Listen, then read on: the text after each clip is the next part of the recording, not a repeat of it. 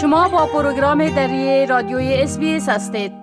حال با جاوید روستاپور خبرنگار برنامه دری رادیوی اس در کابل و تماس هستیم که اونا درباره تازه ترین رویدادها در ارتباط به افغانستان معلومات میتن آقای روستاپور سلام عرض می کنم خب گفتم این که رهبر طالبا یک بیانیه 14 ماده ای را برای پیروای خود فرستاده و در او نصایی به اونا کده می‌تونین بگوین که این نصایی چی بوده؟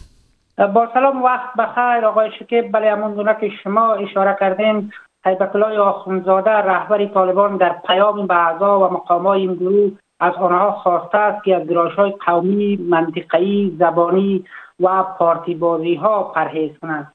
این بیانیه یا پیامی رهبر طالبان که حاوی چهارده ماده است بیشتر.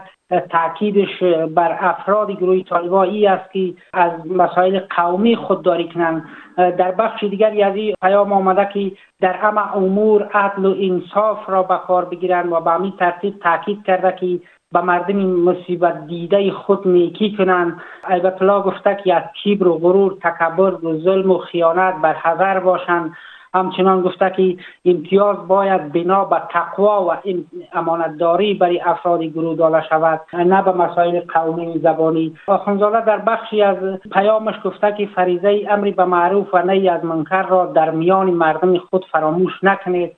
و گفته که نماز را به جماعت بخوانیم. این پیام رهبر طالبا بیشتر گمان می رود در پیوند و این مسائل ارائه شد که در روزهای گذشته طالبا متهم شدن به مسائل قومی که بیشتر اینا زربندهای قومی را و تصفیه قومی را منتقدانشان و شماری از آگاهان گفتند که یا آغاز کردند. خبرهای از جمله از عفظ واژه فارسی از پانتونا در ولایات و تغییر آن به زبان پشتو و به همین ترتیب دستگیری و کشتار برخی افراد غیر نظامی در شبکه های اجتماعی به طور گسترده این نشر که بنا به گزارش ها مسئولان طالبان همچنان در روزهای گذشته اجازه برگزاری مراسم رهبران دیگر اقوام را که کشته شده بودند در سالهای گذشته از جمله عبدالعلی مزاری که چند روز پیش این مراسم سالگرد کشته شدن خودوایی به دست طالبا کشته شده بود یا ندادن که مراسم اعضای حزب وحدت ملی که بر مورد مزاری می‌شد برگزار کنند.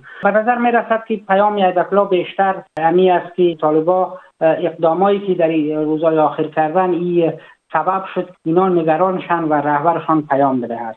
بله. خب مسئولان طالبا در پنچیر میگن که هفت نفر از اعضای نیروی امنیتی خود به اتهام قتل دستگیر کردن بله؟ دقیقا مسئولان محلی طالبا در ولایت پنشیر گفتن که افتن از نیروی امنیتیشان در پیوند به شکنجه و قتل یک دکاندار بازداشت شده ابوبکر صدیق سخنگوی والی پنشیر روز گذشته در صحبت با رسانه ها گفته که افراد بازداشت شده نظامیان اداره محلی این ولایت هستند. به گفته او این افراد در حال حاضر تحت بازجویی قرار دارند و پرونده های آنها به زودی به دادگاه نظامی ولایت پنشیر سپرده خواهد شد.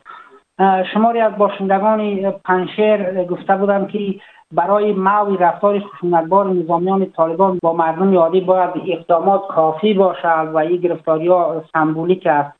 یکی در حال است یک دکاندار که غلام سخی نام داشت روز شنبه تاریخ 21 بود در روستای متای ولسوالی خنج ولایت پنشیر از طرف نیروهای امنیتی اداره محلی طالبان در این ولایت بازداشت شد و این مورد شکنجه قرار گرفت که پس از او جان باخت. در اون زمان منابع ادعا کرده بودند که این مرد دکاندار یک روستا بود و با هیچ فرد یا گروهی و جبهه مقاومت که در پنجشیر کماکان فعالیت دارد ارتباط نداشته. بستگان این فرد ویدیوهایی را از شکنجه از او در شبکه های اجتماعی نشر کردند که بسیار باستاب گسترده داشت و انتقادهای جدی علیه طالبا برانگیخته بود که این مسئله سبب شد طالبا اقدام به بازداشت افرادشان کنند که در شکنجه دکاندار دست داشتند.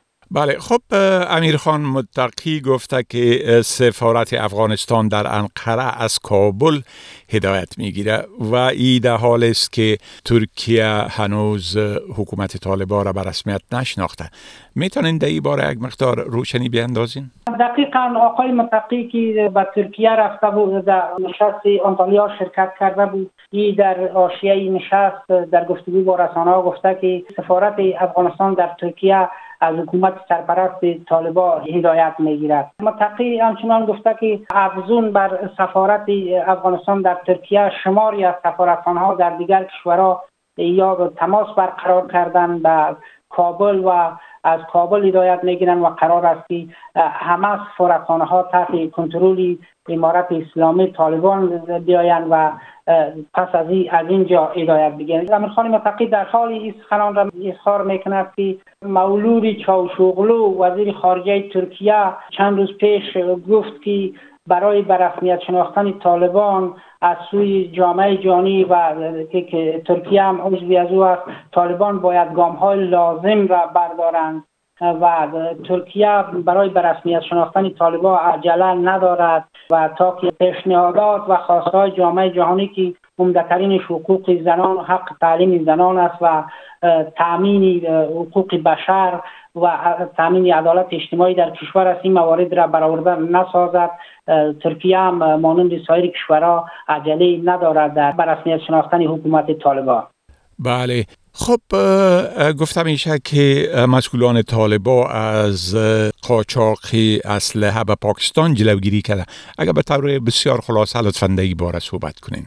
مقام های محلی طالبان در ولایت کندهار گفتند که از قاچاق مقداری از اسلحه به پاکستان جلوگیری کردند و در پیوند با این قضیه دو تن را بازداشت کردند مولوی شکیب سخنگوی کولی اردوی دو هفت البدر در خندار گفته که شش نفر که می‌خواستن مقدار سلاح را از طریق خط دیورن به پاکستان منتقل کنند شناسایی شده و تحت تعقیب قرار دارند ولی دو نفر از این شش نفر بازداشت شده و چهار نفرشان تحت تعقیب قرار دارند طالبا هرچند مقداری طلا را مشخص نکردند ولی گفتند که در مرزهای افغانستان که به پاکستان و سایر کشورها ولایت که هم مرز هستند یا نیروهای امنیتشان مجهز و فعال ساختند که از قاچاق طلا به پاکستان جلوگیری کنند. پس از تسلط طالبا بیشتر گزارش وجود داشت که مقداری از سلاح و تجهیزات که طالبا از حکومت پیشین و نیروهای امریکایی گرفته بودن یا با پاکستان و ایران قاچاق شدن. حتی گزارش شد که در کشمیری که بین هند و پاکستان تحت جنگ است از سلاحایی که از افغانستان طالبا برای پاکستانی ها داده بودن یا قاچاق شده بودن این ها استفاده شده در اونجا دیده شده که یک رسانه ایندی را گزارش کرده بود. خب بسیار تشکر آقای روستاپور از این معلوماتتان و فعلا شما را به خدا می سپارم و روز خوش برتان آرزو می کنم وقت شما هم خوش خدا نگهدارتان. بپسندید شریک سازید و نظر دهید. اسپیس دری را در فیسبوک تعقیب کنید.